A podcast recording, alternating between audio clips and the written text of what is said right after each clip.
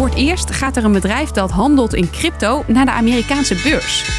Heb je zelf bitcoins, dan ken je het bedrijf waarover het gaat vast wel. Coinbase. Coinbase is the asset that the crypto community has been waiting for. Heb je nou nog nooit van Coinbase gehoord? Mijn collega Nick Wouters van de economieredactie legt het even uit. Het is een groot eh, handelsplatform. Je kan er cryptomunten kopen. En als je die koopt, dan eh, krijgt dit bedrijf daar weer een percentage van. En dat handeltje, dat gaat best wel lekker. Vorig jaar steeg de omzet van Coinbase met 140 procent. Hoeveel het bedrijf precies waard is op de beurs, dat weten we op het moment dat we deze podcast maken nog niet. Maar de verwachtingen liggen hoog. Er worden bedragen genoemd van meer dan 40 miljard euro. Ze zijn daarmee eh, ongeveer evenveel waard als ING. Maar het zou zomaar kunnen als straks die handel begint dat de waarde van het bedrijf zou kunnen gaan verdubbelen. Ik ben Hilde en ik leg je uit hoe het kan dat een cryptobedrijf op de beurs waarschijnlijk meer waard is dan een grote bank als de ING.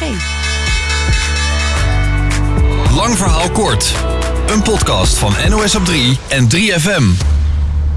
It's going to be huge. Understand Coinbase is an anomaly. It is so dominant. The crypto story doesn't end with Coinbase going public. Eerst vertel ik je meer over Coinbase. Dat is een Amerikaans bedrijf dat in 2012 werd opgericht en klanten dus helpt bij het handelen in allerlei soorten digitaal geld. Crypto. Niet alleen Bitcoin, maar ook 70 andere.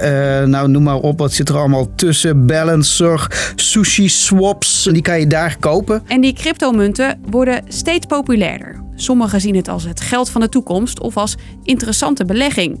Bitcoin breekt bijvoorbeeld record na record, mede dankzij grote bedrijven die gebruik maken van de digitale munt. Zo maakte de baas van Tesla, Elon Musk, onlangs nog bekend dat hij flink in bitcoins gaat investeren. Elon Musk makes one of his riskiest bets ever, linking Tesla's fortunes to bitcoins. Amerikanen kunnen hun nieuwe Tesla zelfs betalen met bitcoins. En dat soort investeringen zijn dus goed nieuws voor bedrijven als Coinbase. Want hoe populair de cryptomunten, hoe duurder ze worden en hoe meer het bedrijf van de handel erin overhoudt. Ze uh, golven mee op de populariteit van vooral de bitcoin, want die wordt er vooral gekocht. En Coinbase is dus het eerste cryptobedrijf dat de beurs opgaat. De verwachtingen rond de beursgang zijn hoog. Het bedrijf zou zomaar meer dan 40 miljard euro waard kunnen zijn. Sommige beurskenners denken dat die waarde zelfs nog wel eens zou kunnen verdubbelen.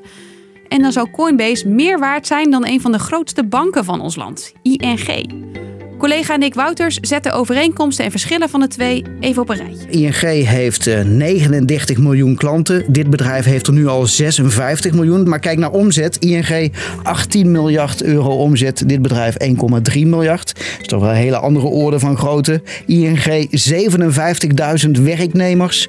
Dit bedrijf heeft er 1200. En Coinbase heeft niet eens een hoofdkantoor, want alles gaat vanuit huis en digitaal. Als je het zo hoort, klinkt Coinbase als een veel kleiner bedrijf dan ING. Hoe kan het dan toch zoveel meer waard zijn? Het heeft te maken met de verwachtingen over het bedrijf. Zolang de koers van Bitcoin stijgt, neemt ook de omzet van Coinbase toe. En die Bitcoin, die gaat dus lekker. Bitcoin, the digital currency created a dozen years ago as an alternative to cash, is exploding in value. Oké, dankzij die populaire Bitcoin heeft Coinbase nu dus veel succes en is het bedrijf tientallen miljarden waard. Maar blijft dat ook zo? De oprichter van het bedrijf, Brian Armstrong, die denkt van wel. We believe that the crypto economy could eventually grow to become a sizable portion of global GDP. We've built Coinbase to help make that happen. Maar zo zeker is het succes van het bedrijf nog niet. Er zijn best wat risico's. Want ze zijn afhankelijk van hoe het gaat met de crypto's. Stijgt de waarde van de bitcoin, dan wordt er meer gehandeld, dan hebben ze meer uh, omzet. Er zijn er ook nog risico's van uh, internetaanvallen. En niet iedereen is even enthousiast over de beursgang van Coinbase. Het ding bij cryptomunten is dat het snel handelen is zonder dat je er een bank voor nodig hebt. Maar wat Coinbase doet, is eigenlijk hetzelfde als wat een bank zoals ING doet. Daar staan ook wel kritiek op van, ja, is dit eigenlijk wel het idee van Bitcoin dat er nu toch een bedrijf, een soort bank eigenlijk tussen gaat zitten die eraan gaat verdienen? En komen er straks niet concurrenten als dit populair wordt die veel minder transactiekosten gaan vragen?